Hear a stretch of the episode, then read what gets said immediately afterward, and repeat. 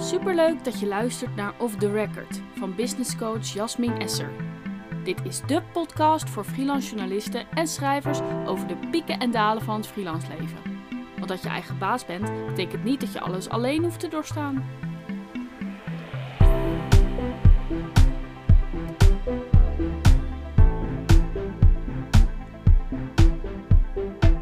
Terwijl de oplages van tijdschriften al jarenlang dalen, lanceert Maatje Bregman gewoon een nieuw tijdschrift. Ook nog eens het allereerste boomvrije magazine van Nederland dat in de schappen komt liggen.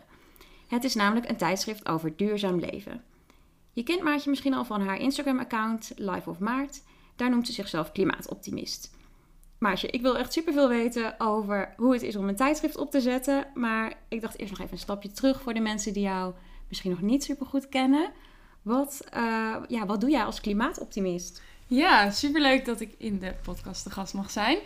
Ik ben dus Maartje Bregman en ik ben mezelf klimaatoptimist gaan noemen omdat ik eigenlijk deelde wat er allemaal al wel gebeurt. Dus ik merkte, het begon eigenlijk bij mij dat ik het journaal zat te kijken en dat ik zeg maar met een minuut een soort van verder in die stoel zakte en alleen maar dacht, oh my god, oh my god, oh my god. Ik moet nog, nee, wat zal het zijn?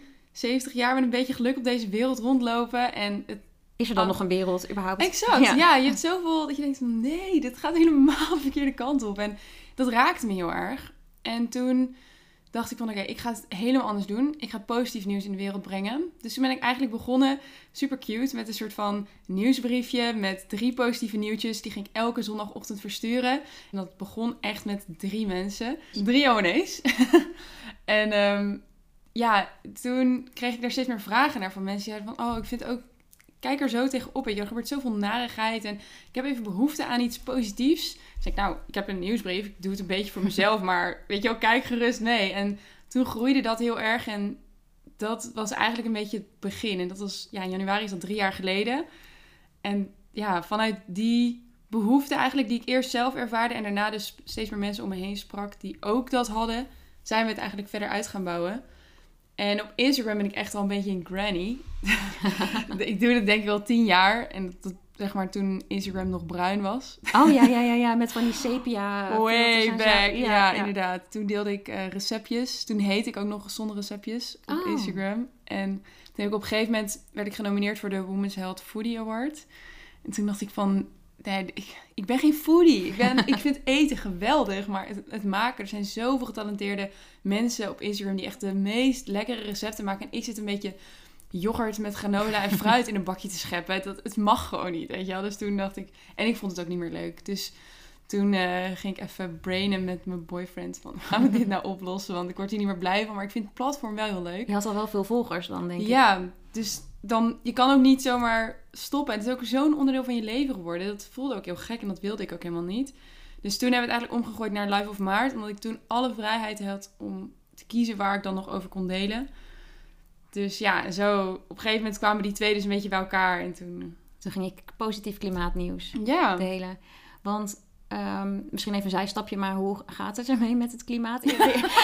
Het is een hele brede vraag, maar is er inderdaad wel, zijn er genoeg positieve dingen om te vermelden? Ben je zelf ook wat optimistischer geworden nu? Er zijn heel veel positieve dingen om te vermelden. Er zijn superveel mensen, bedrijven, organisaties, en ook echt grote organisaties die zich inzetten. Je ziet steeds vaker dat bijvoorbeeld reclame voor vlees wordt verboden in verschillende landen. Of dat ehm, zelfs grote, ehm, grote bedrijven helemaal hun gebouwen energie-neutraal maken. Dus je ziet dat hier heel veel doelstellingen en mensen bezig zijn. Je ziet heel veel initiatieven van mensen die zoiets hebben van... oké, ik wil echt iets veranderen, ik weet even niet goed, maar ik ga gewoon vandaag beginnen met dit.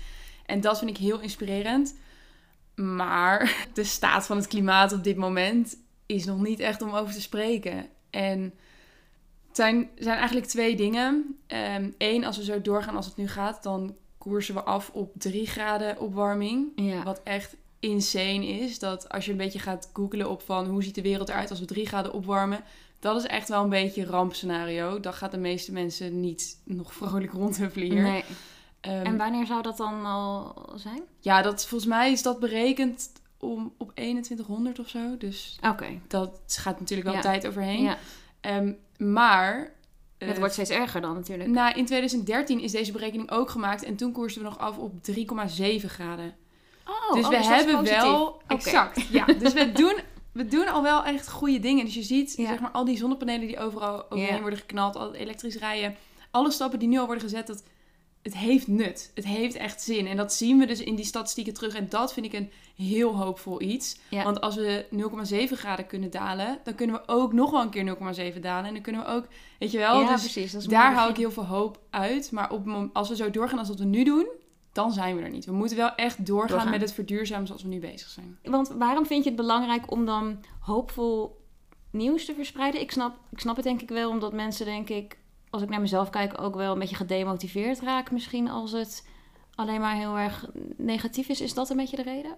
Ja, het heeft eigenlijk een beetje twee redenen. Eén is omdat ik dus zelf merkte dat ik er echt een beetje mee in mijn hoofd ging zitten. Dus je hebt nu klimaatdepressies, dat is echt een, Ja. een diagnose. En eh, je hebt een soort van milde term daarvoor is eco-emoties. Dus dat is eigenlijk dat, je, dat het je raakt. Dat je er op een bepaalde manier emotioneel van wordt als je denkt aan het klimaat. En ik merkte dat ik daar zelf best wel last van had. Dat als ik het nieuws keek, dat ik echt dacht, me een beetje somber voelde of zo, weet je wel. En dat gaat dan ook wel weer weg. Dus dat is ook helemaal niet erg, dat mag je prima een keer voelen. Maar ik merk dat die positieve verhalen, die geven me hoop. En ook dat goede gevoel. Ik denk van, oké, maar er zijn heel veel mensen bezig, dan... Oké, weet je wel, let's go, Ja, we gaan dit gewoon ja. doen. En aan de andere kant is het ook een beetje een schouderklopje naar alle mensen die al wel heel goed bezig zijn. Dus je laat eigenlijk zien van, kijk, deze mensen zijn goed bezig. Je bent niet alleen. We doen het met z'n allen. Je kan het in je eentje niet oplossen. Je kan wel bijdragen aan de oplossing. Er zijn heel veel mensen nog niet mee bezig en er moeten nog veel meer dingen gebeuren. Maar deze groep mensen, die zijn al vet lekker bezig en jij hoort erbij. Dus top. Ja, ja. oké. Ik krijg al wel meteen alweer eh, een positiever gevoel. Dus eh, Toch? dat is Ja. heel fijn. Ja. ja, ik zit zelf ook wel eens te denken... Nou ben ik helemaal geen, eh, geen heilige wat betreft het klimaat. Maar ik denk bijvoorbeeld... Ik ook niet, niemand niet, Nee, denk ik. dat is ook zo. Maar soms denk ik ook wel van... Bijvoorbeeld zo'n vraag van... Wil ik kinderen, ja of nee? Heb ik niet echt een super sterke kinderwens. Maar een van de dingen waar ik dan aan denk is... Oh ja, maar is er dan nog wel een wereld inderdaad Mhm. voor dat kind dat ik Ja. op de wereld ga zetten? Dus ja, het is wel iets waar veel mensen ook misschien wel op kleine schaal wel be- Ik mee denk- bezig zijn. Ik van, denk ja. dat er heel veel over na wordt gedacht en dat we het niet, niet genoeg delen met elkaar. Ja. Want deze zorgen daarover, dat is heel makkelijk om met jezelf daarover in beraad Ja. te gaan. En dat gaat dan een beetje borrelen in je hoofd. Ik denk dat het heel goed is als we dit soort dingen juist gaan uitspreken naar elkaar. En waar zit je eigenlijk mee? Waar maak je je zorgen over? En hoe ga ik daarmee om? Hoe ga jij daarmee om? Ik denk dat dat hele mooie gesprekken zijn die elkaar ook een beetje grip en steun kunnen geven.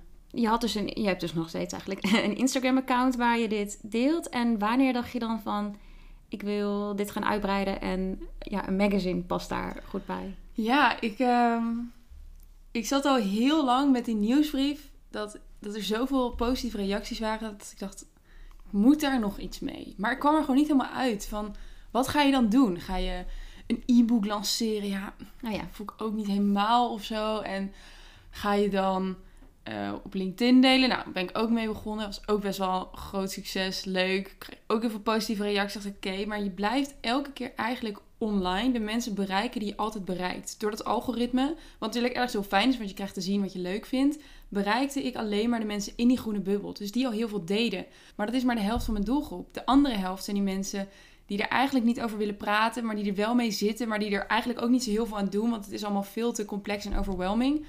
En die mensen wilde ik juist bereiken, ook omdat ik zie dat het heel veel jongeren zijn die nog de hele wereld Mm. voor hen hebben en die zoiets hebben van, oh my god, nou ja, oké, niet aan denken, ik ga gewoon, ja. weet je wel. kop in zand en eh, ja, en wel. je hebt genoeg zorgen day to day. Dus ik snap ook wel dat je daar niet helemaal over de toekomst na kan denken. Maar het blijft wel in je hoofd zitten. En ik denk dat we daar, dat we niet doorhebben hoeveel invloed het heeft. En daarom dacht je, met een tijdschrift kan ik meer mensen bereiken. Ja, ik, ik ging gewoon een beetje brainen met mezelf. En ik vind... ehm, ja, ik vind gewoon tijdschriften... Ik lees het dus zelf echt... Ik las het zelf echt nooit. Ik weet ook niet zo goed waarom. Ik dacht van, nou, weet je wat? Dat is Oh, echt dat een is heel super goed grappig idee. eigenlijk. Nee, ik was Ja. helemaal geen tijdschriftenverslinder. Maar ik wel een boekenlezer. En ik had zoiets van... Dan moet ik elke keer weer zo'n nieuw boek van 25 euro kopen... over een specifiek onderwerp. Eigenlijk wil ik gewoon een soort van... Alles in één. Behapbaar, makkelijk. En meenemen op vakantie. En dan ook als je een week of twee weken weg bent, dat het daarna uit is, weet je wel? Dat je niet nog drie maanden over zo'n boek zit te doen. En dan kom je heel snel op een tijdschrift uit. Ja, Dus eigenlijk is het zo een beetje gevallen. En ik werkte nog als fysiotherapeut part-time. Dus ik deed 2,5 dag fysio en dan 2,5 dag eh Life of Marathon. En ik merkte dat die focus was gewoon zo moeilijk. Was de hele tijd aan het switchen van wat vind ik nou belangrijk, wat vind ik nou leuk. En je kon eigenlijk allebei niet echt goed doen. En toen op een gegeven moment, ehm, toen kwam ik er niet meer helemaal uit met, met mijn werk. Het was gewoon, het vroeg best wel veel van mij en ik kon het niet leveren. Dus ik kon ook niet, wat zij van mij vroegen, kon ik niet doen. En daar voelde ik me dan weer schuldig over. En aan de andere kant kon ik ook niet doen wat ik voor Lijf of Maart wilde. Want ik ja, had daar ook niet genoeg tijd en energie voor. Dus eigenlijk deed ik het allebei niet goed genoeg. Ehm, en toen ging ik ook nog eens bij de Jong Klimaatbeweging in het bestuur. En toen dacht ik van oké, ik moet even keuzes gaan maken. Ja. En toen heb ik dus de keuze gemaakt om het- geld te laten. Oh, dus dat was eigenlijk...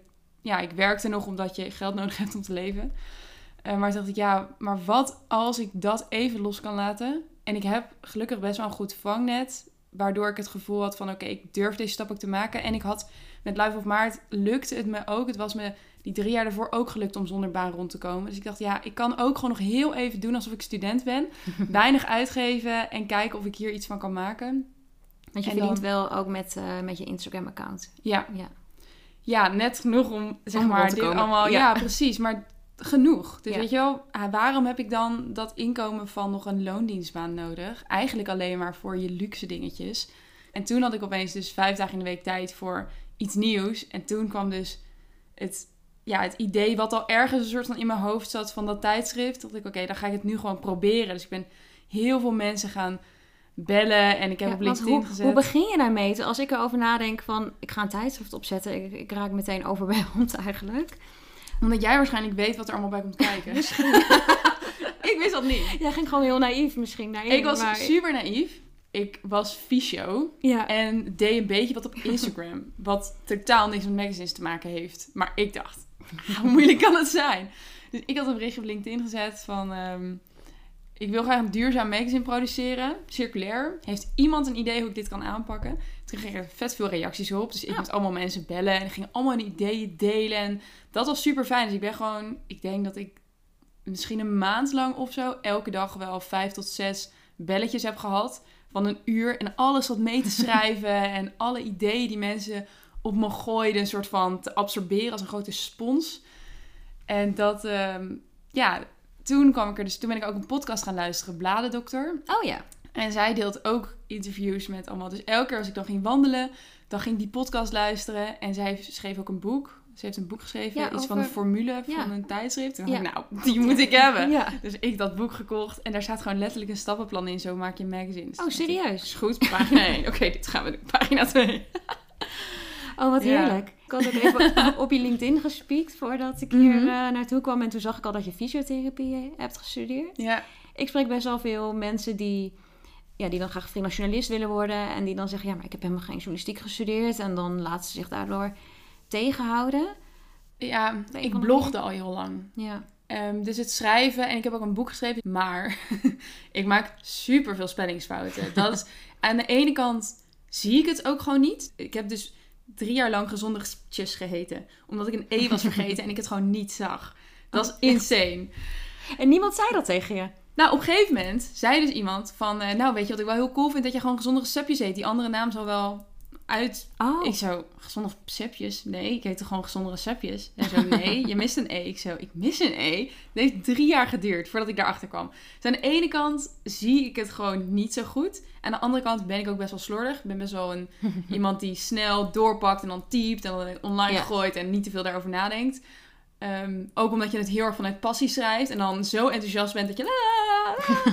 dus dat zorgt er wel voor dat ik dacht van oké, kan wel een tijdschrift schrijven, maar ik heb echt een eindredactie nodig. Iemand die overal doorheen gaat, eventjes de foutjes eruit haalt en dat gewoon goed doet. Dus ik ben me heel erg bewust van mijn krachten en van mijn niet-krachten. dus ik heb me daar nooit door laten tegenhouden, omdat ik weet dat ik er niet daar goed in ben en dus daar iemand voor inschakel om dat te checken. je hebt, ja, je hebt hulp gezocht Ja. eigenlijk. En, en wat was de volgende stap dan? Want je ging eerst met heel veel mensen praten. En, ja, dus eerst met mensen praten. Toen dacht ik van, nou oké, dan moet er inhoud komen. Dus toen ging ik Ja. nadenken, wat wil ik dan in het magazine? Ben ik een soort van framework gaan maken. Toen ben ik met dat framework naar schrijvers en gepassioneerde duurzaamheidsstrijders gegaan van, hey, dit moet allemaal gevuld worden. Willen jullie me helpen? en toen waren vet van mensen zeiden, oh ja, is goed, ik kan hier wat over schrijven, ik kan hier wat over schrijven. Dus toen had ik opeens een team van 23 schrijvers Oh, die dat allemaal wilden Zoveel doen. mensen. Toen dacht ik van, oké, dit moet vormgegeven worden. En ah, dus toen weer op een berichtje op LinkedIn. Hoi, ik zoek een vormgever. Ja. Ehm, en ik had nog, eh, ik had al wel daarvoor een huisstijl laten maken voor Happy Times, voor de nieuwsbrief. Omdat ik wel zoiets had van, oké, ik wil het wat professioneler aanpakken. Ik weet nog niet hoe, maar er moet in elk geval een goede huisstijl komen. Dus toen dat meisje van de huisstijl lief aangekeken van, kan jij niet ook dit magazine vormgeven? Zij zo, "Ik- ja, ik heb het nog nooit gedaan, maar ik wil het wel voor je proberen. Maar ja, oké, ja, heel graag. Laten we samen Ja. gewoon uitvogelen hoe we dit kunnen doen. Dus toen, eh, en toen nog iemand erbij gezet. Dus we hebben uiteindelijk twee vormgevers, eh, drie fotografen, 23 schrijvers en heel veel sparringspartners. En dan, ja, Ja, vormt het zichzelf. jeetje. En eh, dan moet je in één keer een heel team aansturen of zo, of niet? Ja. er kwamen dus zeg maar gaandeweg kwam ik erachter, oh ja. Ja, dat is dan inderdaad hiervan een gevolg. Oh ja. Ja. Maar het, het, zeg maar, ik had ook al wel wat ervaring met teams aansturen. Omdat ik deed voor Live of Maart had ik ook al een team. Oké. En dat was een kleiner team, waren met zes. Maar goed, en ik had bij Jong Klimaatbeweging heb ik eh, drie werkgroepen die ik ook soort van stuur of begeleid, zeg maar. Ik ben daarin dan de, het bestuurslid en zitten drie werkgroepen aan verbonden. Dus ik had al redelijk wat, wat ervaring met hoe kan ik nou mensen mobiliseren Ja, en precies, samenbrengen. ja. En ja, nu was het gewoon nog een, een leveltje meer, maar de basis was er al, dus dat was heel fijn. En dan heb je dus al die, die mensen en ontzettend veel ideeën, denk ik, die je zelf hebt. En die al die schrijvers hebben en die vormgevers. En hoe bepaal je dan van, oké, dit gaat het worden? Ja, ik heb dus gewoon die podcast geluisterd waarin zij ook met hoofdredacteuren in gesprek ging. En ik ben dus, eh, het is een super platte structuur natuurlijk, omdat we allemaal vrijwilligers zijn. Dus ik heb gewoon elke keer gevraagd van wat vinden jullie hiervan? Hun input meegenomen en dan zelf dus die keuzes gemaakt.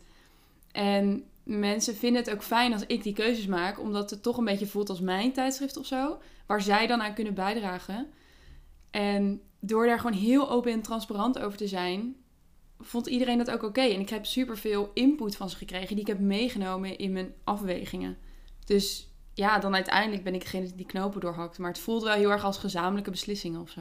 En doordat je er zelf steeds meer over leerde en, en mensen ook eh, hun professionele visie Ja. daarop gaven, zeg maar, werd dat ook steeds makkelijker misschien Ja. om te bepalen wat je dan eigenlijk wilde of wat je voor ogen had. Ja, en uiteindelijk, je hebt ook gewoon, als je een tijdschrift maakt, zijn er gewoon best wel wat regels, zeg maar, waar je aan moet houden. Dus, dus ik heb gewoon gekeken, nou oké, pak een Vogue, pak een NC, pak een Linda. Hoeveel pagina's hebben die? Ja, Hoe ziet zo'n inhoudsopgave eruit? Wat voor artikelen, wat voor rubrieken komen hierin terug? Wat vind ik zelf leuk om te lezen? Dus ja, op die manier. zo heb je het gewoon een beetje Ja. nagedaan eigenlijk. Of Ja. nou, niet nagedaan, maar... Nou ja, in bepaalde zin natuurlijk Ja. wel. Want ik zou super dom zijn als ik iets met mijn totaal niet ervaren magazinehoofd zou maken. Terwijl dat soort succesvolle tijdschriften, ja, die hebben, die hebben al zoveel ideeën. En het zou dom zijn als ik daar niet een beetje naar kijk van wat werkt voor hun. En kan ik dat op een of andere manier ook voor mij laten werken? En je zei net al van eh, dat je eigenlijk niet zo goed wist wat er allemaal bij kwam kijken. Wat is zeg maar het, eh, wat vond je het, het heftigste? Of eh, waarvan je dacht van, oh, dit had ik echt totaal niet verwacht dat dit ook allemaal erbij zou horen. Nou, dat, dat gevoel, dat wow, ik had niet verwacht dat hij er ook bij zou horen. Denk dat ik dat dagelijks had.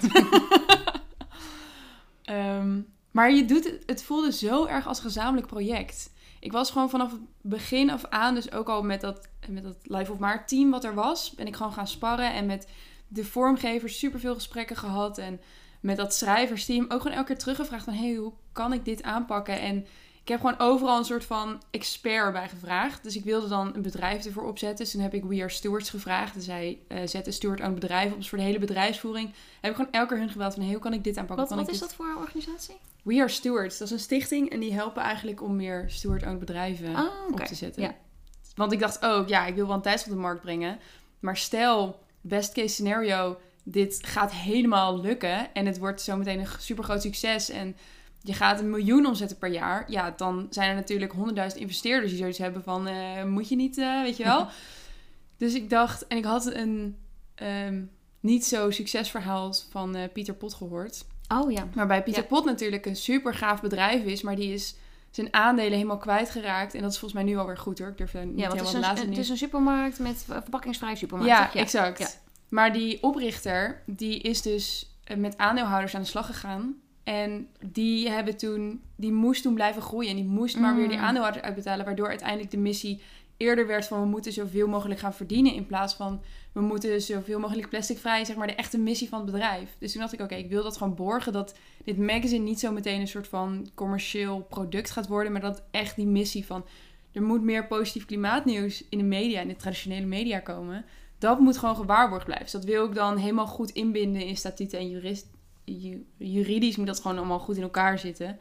Weet je? Dus toen dacht ik van, oké, daar heb ik een, een expert voor nodig. Ik heb Ja. met ehm, Arjan Kropman van FNL Media, ook een grote uitgeverij, heb ik heel veel gespart en heel veel... Hij heeft mij superveel tips gegeven van hoe kan ik nou mijn abonnementenbeheer doen?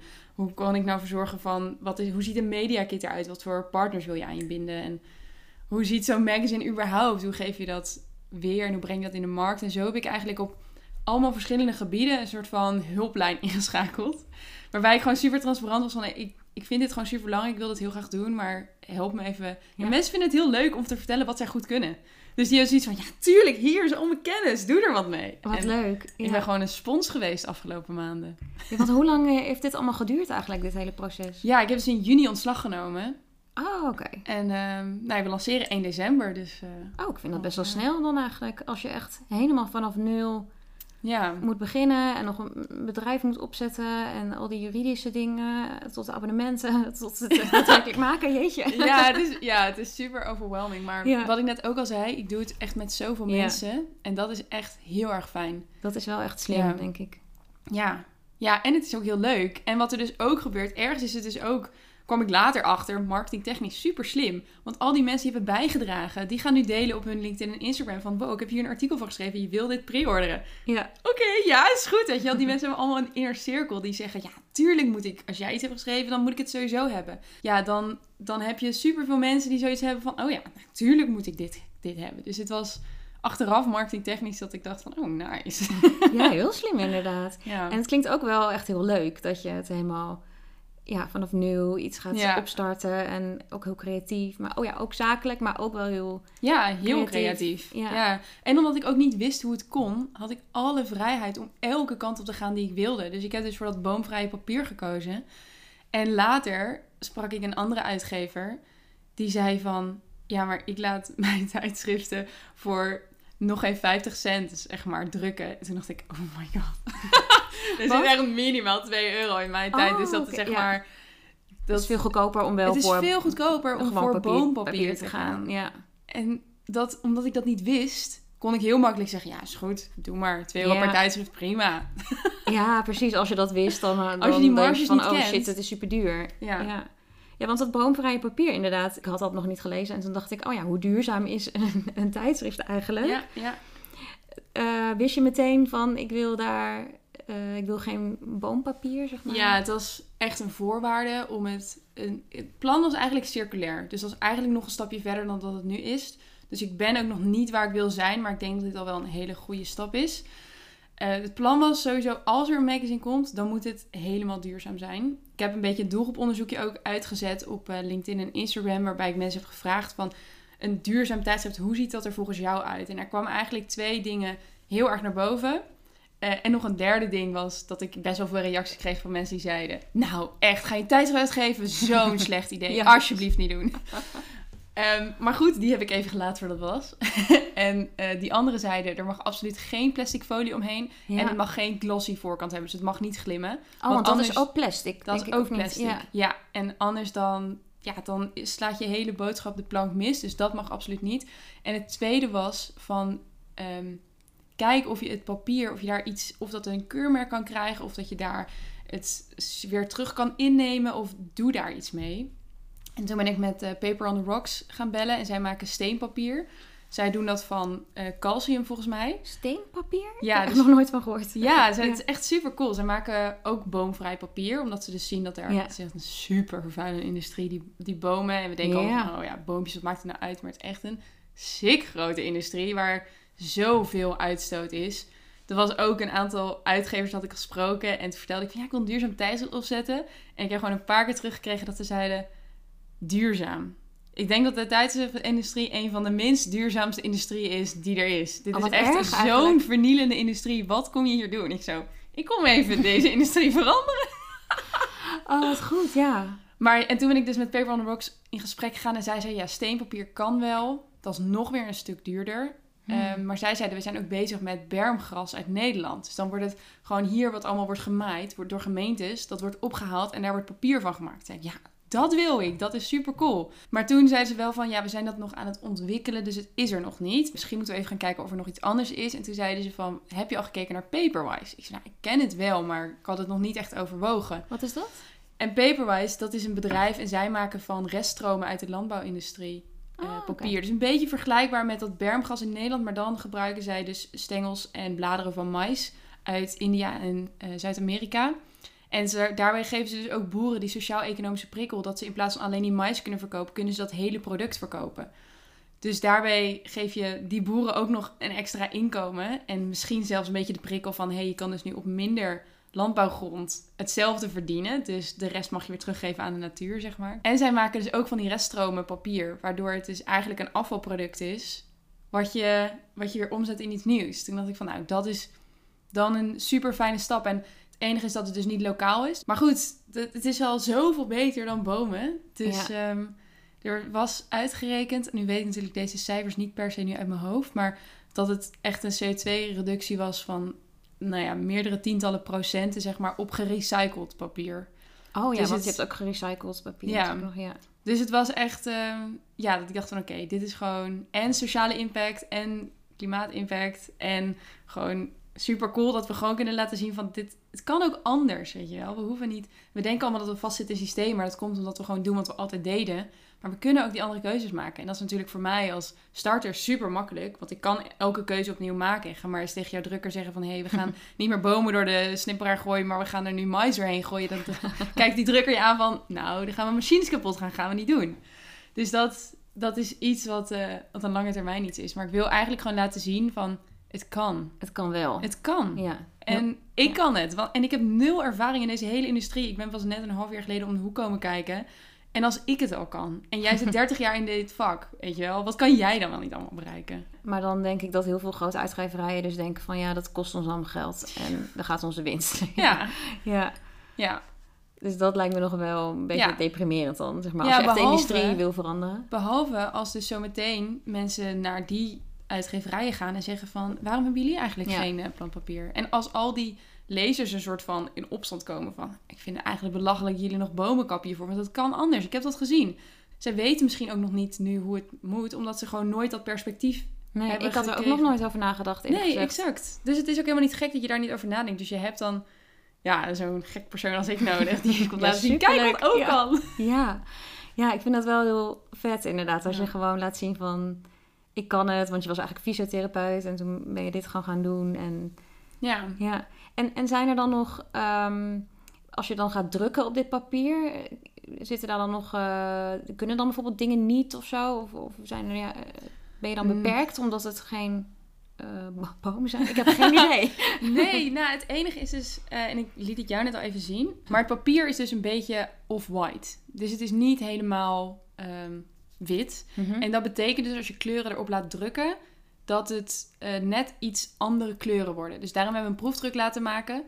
En het valt net allemaal iets donkerder uit. Want als je echt wit papier hebt, dan, nou ja, dan komen die kleuren Ja. net iets helderder naar voren. Maar dat is een kwestie van proberen en aanpassen.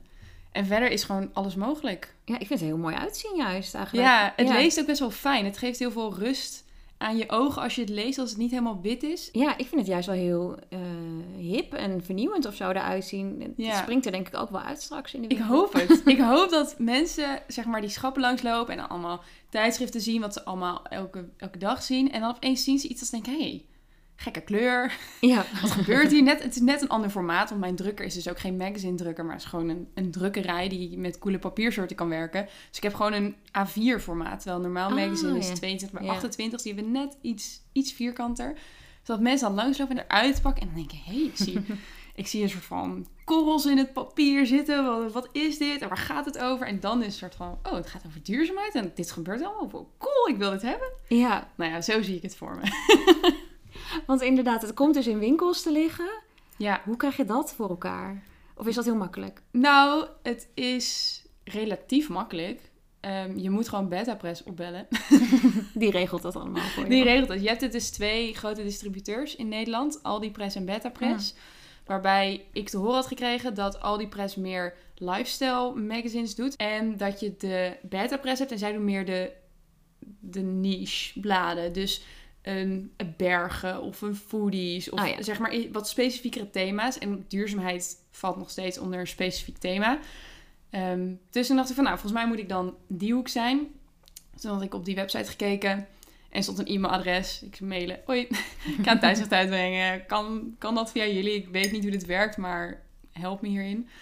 En toen kreeg ik terug, ja, is goed, vul deze checklist maar in. Dus ik kan maar dingen invullen. Ik had geen idee hoe zwaar wordt je tijdschrift. Oh, ik weet ja. niet eens hoeveel, hoeveel pagina's ik heb en ik weet niet hoe zwaar het papier is. En nou, ik moest allemaal dingen invullen, dus ik er dat alles ingevuld. En toen zeiden ze, na een paar weken kreeg ik een reactie van... Oké, we hebben het doorgenomen en eh, ik wil graag even met je kletsen om het even door te nemen. Dus ik was echt een super vriendelijke vrouw. En zij was... Zij zei, oké, vertel, wat ga je doen? Dus ik zat er zo, oeh, Toen moest je pitchen. een beetje pitchen. Maar je zag haar eigenlijk echt zo denken. Een beetje wat jij net ook had van... Als je dit hoort op papier, dan denk je, ik heb zoveel vragen. Ja. En toen hoorde ze mij praten en zei ze... Nou, er goed zit idee. mogelijk wel wat in. Maar zij mocht natuurlijk ook niet die keuze maken. Dus zij heeft met die pitch is ze naar... eh, intern hebben ze dan een... eh, gaan ze kijken van hoeveel winkels hebben hier mogelijk interesse in. Dus dan gaan ze een soort van mock-up opstellen. En dan moet dat naar eh, retail. En die moeten daar dan ook iets van vinden. Nou, daar gaat zes, zes tot acht weken overheen. Dus dan zit je echt zo in spanning te wachten. Wat, gaat er gebeuren? Omdat wat zij eh ja, wat zij gaat besluiten. zeggen. Ja. want dan komt zij dus terug met ofwel niemand wil je tijdschrift hebben, dus zoek het uit. Want je- zij ging het dan eigenlijk voor jou verkopen bij die winkels. Ja. Want zij moet het dan inkopen of zo. Ja, dus Oh, zij, ik weet niet helemaal hoe dit gaat, maar ik kan me voorstellen dat zij dan eh, met die winkels gesprekken hebben. En zij zullen Ja. natuurlijk altijd terugkoppelen van, nou, dit magazine verkoopt goed, dit magazine verkoopt niet goed. Ja. En daarin een beetje schuiven. En dat zij dan opgooit van, hey, dit tijdschrift, dit, dit wordt gepitcht. Wat vinden jullie hiervan? Zouden jullie dit inkopen? Denken jullie dat het verkocht wordt? Uiteindelijk gaat het natuurlijk over, hoe kan je verkopen? Ja. En blijkbaar is er toen dus... Hebben genoeg winkels gezegd van... Nou, ik wil dat wel proberen. In mijn hoofd is dit zo gegaan. Ehm, en kreeg ik dus na zes weken een mailtje van... eh, we hebben 700 winkels 700 waar we het winkels? kunnen uitzetten. Wauw. Ja, dus dat was echt... Oh, dat is echt superveel, Het toch? was echt... ik, ik kreeg dat mailtje en er stond zo... We hebben mogelijk 700 winkels. Dus ik zo van, moet ik hier nou blij mee zijn? Of is dit goed of is dit niet goed? Dus ik terugmailen van... Hey, superleuk dat je gemaild had. Kunnen we even bellen? Want dan heb ik ook iets meer duidelijk wat er... Ze zei, ja, is goed. Dus we gingen zo bellen. En zij zegt zo... Ja, ik heb, ik heb dus eh, mogelijk 700 winkels. Ik zo, wat is mogelijk? Wat betekent dat? Ja. Zij zo, ja, of jij het nog steeds wil. Ik zo, of ik het wil. Oh, ik zei, natuurlijk. En zij zei, ja, maar ik weet dat niet. Ik moet dat altijd even checken. Ik zei, ja, nou ja, dat vind ik heel lief. maar ja, Oh, natuurlijk wil ik dit. Dus, ehm, nou ja, toen is dat dus in gang gezet. En ja, 700 winkels. Wauw. Oh, ik dacht, toen je net aan het vertellen was, dacht ik, oh ja, dan ben ik wel benieuwd bij hoeveel winkels. Misschien eh 100 of zo. En toen zei je 700. 700. Jeetje. Insane. Ja. hoe, hoe hoog wordt de oplage dan? 10.000. 10.000, ja. Ja, en er gaan dus eh 2500 naar de winkels. En de rest eh, moet ik zelf verkopen. Ja. ja, wat mensen kunnen pre-orderen. Dat wou ik Ja. eigenlijk aan het einde zeggen, maar nu komt het een beetje te sprake. dus dat, Ja. dat kan al. Ja, ook omdat het natuurlijk eh, best wel een eh, financiële hap is. En ik dus Ja. niet meer in loondienst werk. Dus ik kan ook zelf niet eventjes echt 20.000 euro vandaan toveren. Ehm, dacht ik van, ik ga gewoon een hele lange pre-order doen. Dus we zijn 25 oktober begonnen met de pre-order. Ehm, en die loopt dan tot ja, 25 november ongeveer. En dan, ja, 1 december ligt het er allemaal. ja. En het is, het is echt bizar. Ik had op de eerste dag dat we live gingen, ik had toevallig gisteren gekeken, ehm 1400 euro aan pre-orders. Nou, het kost 7 euro per magazine, dus reken maar uit hoeveel dat is. Dat is echt... Mensen waren zo... Ik was, ik was er natuurlijk al vanaf het begin af aan over aan het delen. Dus toen die pre-order online kwam, was het echt zo... En nu zitten we op 850 pre-orders of zo. Ja, Dus nice. het is echt... ehm, ja, het is heel leuk. Dus, en ik ben aan het kijken van... Kunnen we nog in kerstpakketten dat bedrijven gewoon Oh, zeggen... ja, is goed, doe mij maar 300, weet je wel? Dat hoe zou heel lekker zijn. En eh, verder, ja, we moeten... Het doel is 1500 pre-orders. Dus we moeten nog even... Oké, dus als je dit luistert... allemaal Als je het even- luistert, allemaal even pre-orderen. Ja. Ja, dat. Ja, want ik denk inderdaad dat daar ook best wel investeringen bij komen kijken. Ja, De, de, de mensen waarmee je samenwerkt werken, werken dus vooral vrijwillig eh, voor je, denk ik. Of Ja. dat zei je net? Ja. dus alle mankracht is vrijwillig.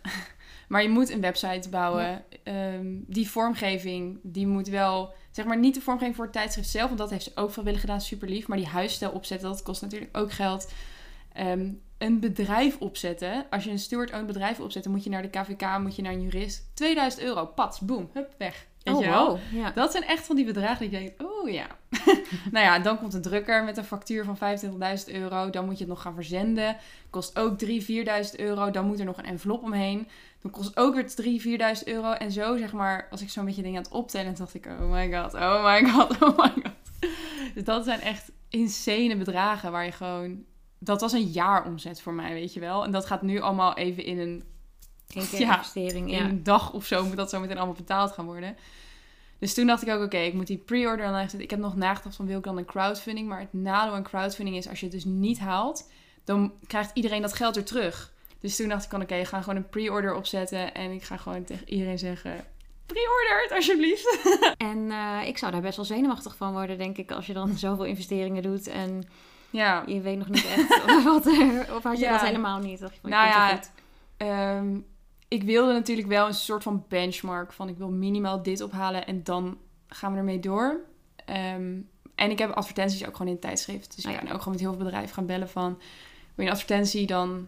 Ehm, en ik heb door mijn Instagram heb ik al een aantal partners met wie ik vaker Oh, samenwerk. Dus dat... Dus dat scheelt. Dus Ja. die kennen mij en die weten wie ik ben, wat ik doe. Dus dan hebben ze zoiets van, oké, je levert altijd goede dingen. Ehm, dus we, we willen je steunen en we willen je ook wel helpen om dit te realiseren. Dus dat scheelt dat ik daar een soort van al vaste nou ja, Ja. basis voor heb. En ik heb dus nu... Die drukkosten zijn er allemaal redelijk uit. En ik heb nu alleen nog die opstartkosten van 10.000 euro... die ik nog even ergens vandaan moet toveren. Maar het scheelt dus ook dat ik wel wat met mijn bedrijf... dus met Life of Maart, dat is dan weer een ander bedrijf... dat ik daar dus nog wel wat verdien. Of en al mijn sprekersopdrachten, dat gaat dan nu allemaal in van... oké, we gaan dit magazine realiseren. Dus daarom durfde je het wel aan dat je wel eh, Dus ja. connecties had en, en een buffer. En... Ja, Ja. ik heb er wel vertrouwen in dat als we in een maand 20.000 kunnen ophalen... dan dat we zo meteen, als het er is, want het is er nog niet eens. En we hebben nu al dit, weet je wel. Dus als het dan zo meteen is, dat mensen het echt kunnen kopen en kunnen voelen en kunnen zien, dat, ze dan, dat je dan nog wel weer dat er ook bij kan hebben. Ergens heb ik wel het gevoel dat het gaat lukken. Maar, en als ik dat niet zou hebben, dan, ja, wat ben je dan aan het doen? Weet je wel, je moet een beetje vertrouwen in je eigen. Ja, product. anders kom je er kom Ja. je nergens natuurlijk. Een beetje risico nemen. Ja. ja. En ik vroeg me inderdaad af wat het, wat het verdienmodel er dan achter is. Maar je hebt dus ook wel advertenties en, eh, ja, en mensen die het gewoon kopen. zeg Ja, dus we hebben eigenlijk bij traditionele tijdschriften heb je altijd drie verdienmodellen. Eén is de advertenties. Twee is je abonnementen. Dus die komen ook vanaf, ook eh, ja. ja. vanaf 2024 kan je abonnementen kopen voor een heel jaar bijvoorbeeld. En je hebt gewoon je losse verkoop in de winkels en via je eigen website. En we gaan ook events organiseren. Dus vier keer Oh, per jaar. Want we Oh, cool. lanceren vier keer per jaar. En dan willen we eigenlijk voor, voor mensen die ook heel erg in deze bubbel zitten en daar iets, iets meer verdieping op willen. Dat we dan het magazine een soort van lanceren. En dan een paar mensen die we hebben geïnterviewd. Dat die een lezing komen geven. Dat we een workshop doen. En dat we een beetje ja, gaan netwerken met elkaar. Ehm, en dat is dus voor een jaar betaal je dan eh 250 euro. En dan heb je dus vier keer een event. Een soort van netwerkevent. En dan vier keer tijdschrift. Dat is meer voor bedrijven eigenlijk. Of voor ZZP'ers die in deze branche zitten. Ehm, ja, en we, we zijn ook nog wel aan het een beetje brainen van hoe kunnen we nou nog wat andere verdienmodellen er ook op zetten. Want eigenlijk willen we. Het tijdschrift is meer een middel. Maar we hebben natuurlijk het hele online platform en we hebben onze Ja. socials die we ook gewoon in gaan zetten. Dus we hebben eigenlijk drie dingen. Eén is het tijdschrift, twee is events en drie is online. En daar hangen aan elke, ja, aan elk van die drie dingen hangen weer verdienmodellen. Om uiteindelijk moet het wel gewoon een gezond bedrijf zijn. Want je moet. Ik heb dit nu allemaal in mijn eentje soort van gerund. En met heel veel vrijwilligers, maar ik had alleen verantwoordelijkheid. En dat, dat gaat niet nog een keer lukken. Dat, dit was echt wel... vol, denk ik. Dit ook. heeft me opgegeten tot het bot. Wat prima is. Want ik vind het het waard. Maar dit kan ik niet vier keer per jaar doen. Dus het moet een gezond bedrijf worden dat ik in elk geval twee of drie mensen om me heen kan hebben die gewoon ook vast in het bedrijf zitten en dat we dit gewoon kunnen laten rollen. Wil je dan ook mensen aannemen? Ja, Ja, ja, dus echt een team eh, ja. gaan Ja, en sowieso die vormgever, dat is echt een schat dat ze dat nu allemaal gratis heeft gedaan. Maar er zit zoveel tijd in. Ja, Dat, dat, ik kan dat niet nog een keer van haar vragen. Dat, dat durf ik gewoon niet. Dus daar moet ook gewoon geld voor komen om die vormgeving te laten doen. En, en ook tegen die vormgever zeggen van... ik kan je nu nog niet waarschijnlijk je vaste tarief betalen wat je wil. Net als met de fotograaf of zo. Dat, maar kan je wel dit geven. Kunnen we elkaar een beetje tegemoet komen erin. En het zijn ook allemaal mensen die het met heel veel passie en liefde doen. Dus die, ja, die hebben nu ook gezegd van... ja, ik, ik doe dat voor je. Dus ik heb wel ergens het gevoel van... laten we gewoon samen bouwen aan dit merk. En hoe succesvoller het bedrijf wordt... hoe meer ik ook kan doen naar anderen. Dus dat. Ja, want ook alle schrijvers werken eh, vrijwillig voor je. Ja. Ik vind het best wel bijzonder eigenlijk dat, dat Ja, iedereen dat zijn- gewoon wil. Ja, en dat is wel echt een hele fijne structuur. En ik, ik wil eigenlijk dat we die schrijvers ook gewoon op vrijwillige basis kunnen houden. Maar dat er wel bijvoorbeeld een, de eindredactie wel Ah ja. betaald krijgt. Maar het schrijven, ik kreeg zoveel aanvragen van mensen die zeiden van... oh, mag ik dan een artikel schrijven? Ja, kan ik dan niet een soort van... En het zijn ook... Het zijn ook niet allemaal tekstschrijvers. Het zijn ook gewoon duurzaamheidsstrijders. Dus mensen die heel gepassioneerd Ja. over het onderwerp zijn. En die vinden dat gewoon leuk om bij te dragen. En ik vind die hele vrijwillige structuur zo fijn werken. En het geeft een heel gelijkwaardig, heel gelijkwaardige bedrijfsvoering. Dus ik zie ook echt wel voor me dat we gewoon lekker met vrijwilligers blijven werken. Niet omdat ik ze dat geld niet gun, maar omdat ik denk dat ze veel meer uitbetaald kunnen worden in waardering in plaats van in geld. En ik denk dat we dat je, je moet gewoon een goed team hebben dat het uiteindelijk een fysiek magazine kan worden. Dus je eindredactie, dat moet gewoon goed gedaan worden. Je fotografie, dat moet gewoon goed in elkaar zitten. Je vormgeving. Maar dat zijn eigenlijk de enige drie die je een soort van eh, op betaalde functies wil hebben. En voor de rest mag het ook gewoon lekker een tijdschrift blijven waar gewoon heel veel passie en energie in Mhm. zit. Van mensen die het gewoon tof vinden om aan bij te dragen. Want niemand gaat er rijk van worden die hier werkt. Maar dat hoeft ook niet. We moeten gewoon iets tofs neerzetten en je moet je huur en je eten kunnen betalen, zeg maar. Ja, maar ja, goed, als schrijver wil je natuurlijk ook wel... Ik ben natuurlijk Ja. een beetje op voor, voor schrijvers, dat ze eerlijk betaald worden. Ja, Dus en, dat- en ja. dat, daar geloof ik ook heel erg in. Ehm, maar dit zijn dus, wat ik al zei, niet allemaal schrijvers. Dit zijn Nee. gewoon mensen die een fulltime baan hebben. Ja, precies. En die vinden het onderwerp heel leuk. Dus ik denk, dat is echt een verschil. En die freelance tekstschrijver, die gaat dan eind, eindredactie doen en die krijgt wel betaald. Ja. Snap je? Ja. Maar de, ja, dus, en andere tekstschrijvers, ik heb een aantal tekstschrijvers die het wel vrijwillig doen, maar ik, ik ben gewoon heel eerlijk tegen ze. Want ik, ik kan ja, het gewoon niet. Het, gewoon, niet- je hebt ik- gewoon niet het is er eh, gewoon niet. Het is er niet. Dus nee. ik zeg ook altijd van, ga ergens heen waar je geld verdient. En als je zeg maar een avond over hebt om een ernaast. artikel te schrijven, dan met liefde. En als niet, dan niet. Dat snap ik heel goed, weet je wel. Dus het is, ik, ik geloof er heel erg in dat als, als ik gewoon heel erg transparant ben over wat ik bijvoorbeeld daarmee verdien, wat ook op dit Mhm. moment 0 euro is, Ja, Ehm, dan, dan krijg je ook heel erg dat we, dat we mensen zijn. En dat we zoiets hebben van... Je, kijk, als jij je huur niet kan betalen, dan raad ik je absoluut af om bij Ja. mij te komen Ja. werken. Want dat kan, ik, dat kan ik gewoon niet in je voorzien. Maar als jij zoiets hebt van... Ik wil heel graag iets bijdragen aan die wereld. En ik merk nu dat ik wel artikelen kan schrijven voor andere tijdschriften. Maar dat kan eigenlijk nooit over duurzaamheid gaan, omdat ze dat altijd afwijzen. Want ze vinden dat te activistisch, dus ze vinden daar van alles van. En het moet dan weer allemaal rondes. En ik kan hier wel mijn ei kwijt. Dan is Ja. het ook daarin een soort van... En ja, als dit zo meteen een succes wordt en we zijn zo groot als een NC of een Linda, dan ik Dan- met ja, liefde precies, al ja. mijn schrijvers dubbel en dwars voor wat ze doen. daar gaan we natuurlijk vanuit. Ja, het, eh, absoluut. een groot succes wordt. Ja. En, en je bent dus een stichting, toch? Dus je hebt niet, eh, denk ik, een heel groot eh, winstoogmerk dan. Nee, of we zijn een dat steward-owned. eigenlijk? Oh ja. Dus het is een BV met een stichting erboven. Dus Ah, de BV oké. is ook niet van mij, maar is van de stichting. En ik zit dan wel in de stichting als bestuurder met twee anderen ook nog. Dus daar de, de BV, zeg maar, waar het geld in zit, dat wordt weer beheerd door die stichting. En dat maakt dat je geen winstoogmerk hebt, want alle winst gaat naar de stichting. Ja, precies. Dus je hoeft, die stichting hoeft eigenlijk helemaal geen geld te krijgen. Dus je hoeft geen winst te maken. Dus het doel is dat we kiet gaan spelen. Ja, precies. Want En- verlies wil je natuurlijk ook Nee, niet. Het verlies moet wel is geen gezond bedrijf. Dus je Ja. moet minimaal kiet spelen en alles wat dan over is aan het einde van het jaar, dat gaat dan naar de stichting. En de stichting heeft hele strenge regels. Het mag namelijk alleen maar uitgegeven worden aan bedrijven of initiatieven die zich inzetten tegen klimaatverandering. Dus dan vanuit de stichting kunnen we ook weer, stel dat we heel succesvol zijn en we gaan zo meteen winst maken, dan gaat het allemaal naar de stichting. En dan zegt de stichting, oké, dan gaan we andere start-ups helpen die met hele coole dingen bezig zijn, om hen te faciliteren, ehm, om ook groot te worden. Dus het is een hele, vind ik, nobele gedachte. Je zei net al dat mensen je gingen afraden om eh, een tijdschrift op te zetten. En ik dacht zelf ook wel van, ja, wie gaat er nu in deze tijd met dalende oplagers in godsnaam nog, nog een blad Mhm. op de markt brengen? Had je daar, ja, hoe ging je daarmee om? Of Ja. was, je daar helemaal niet bewust van? Jawel, dit is een, een slechte branche Ja, eigenlijk. super. Dat, was, dat is het eerste wat je hoort. Als, je- als je die Bladendokter podcast aanzet, dan is de eerste zin waar ze ongeveer elke aflevering mee beginnen. De oplagers zijn gedaald. Ja. En dus ik was me daar super bewust van. Maar er is geen tijdschrift over duurzaamheid. Gewoon nul. Er is gewoon niks wat echt over duurzaamheid gaat. Er zijn een paar die over rechtvaardigheid gaat. Je hebt One World, je hebt ehm, over Hmm. natuur, Be One with Nature van Wereld Natuurfonds. Maar dat zijn, het gaat niet over klimaat.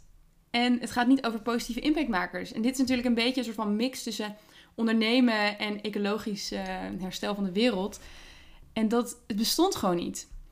En wat ze wel dus ook zeiden bij die dalende oplages, de, de generieke tijdschriften die dalen, tijdschriften met, Ja, die gewoon over alles gaan eigenlijk. ja, ik wil iets zeggen, maar ik denk dat ik dat even niet ga doen. Ehm, ehm, die over hele generieke onderwerpen schrijven, die niet heel diep op de inhoud ingaan, die dalen allemaal. Want mensen hebben heel veel behoefte aan diepgang kennis, diepgang. Ja. Anders En- kan je het ook wel online zoeken, denk ik. Ja, precies. En we hebben gewoon ook niet meer zoveel zin, denk ik, in het koetjes en kalfjes. Want er is zoveel gaande in de wereld. Dat, je, dat kan gewoon niet meer, zeg maar. Dus ik denk, wat zij zeiden is van de oplages van die generieke tijdschriften dalen, maar die special interest of die, eh, die niche tijdschriften, daar zien we nog wel groei. Dus toen dacht ik, oké, ik zie wel een haakje. Dat zou mogelijk iets zijn. En het is natuurlijk eigenlijk iets heel anders. Het is meer een soort van mini-boek Ja. met bijzonder papier. Dus je steunt ook een soort van missie. Dus ik zie daar nog wel dat ik denk van oké, hier zit nog wel wat interessants in.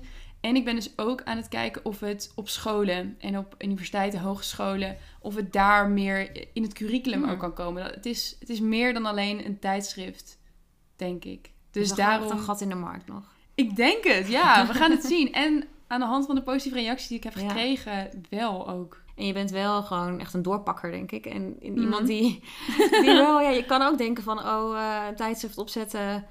Nou, eh, laat maar hoor, want eh, allemaal gedachten, weet je wel. Maar Ja. je doet het wel gewoon. Dus Mhm. dat vind ik wel...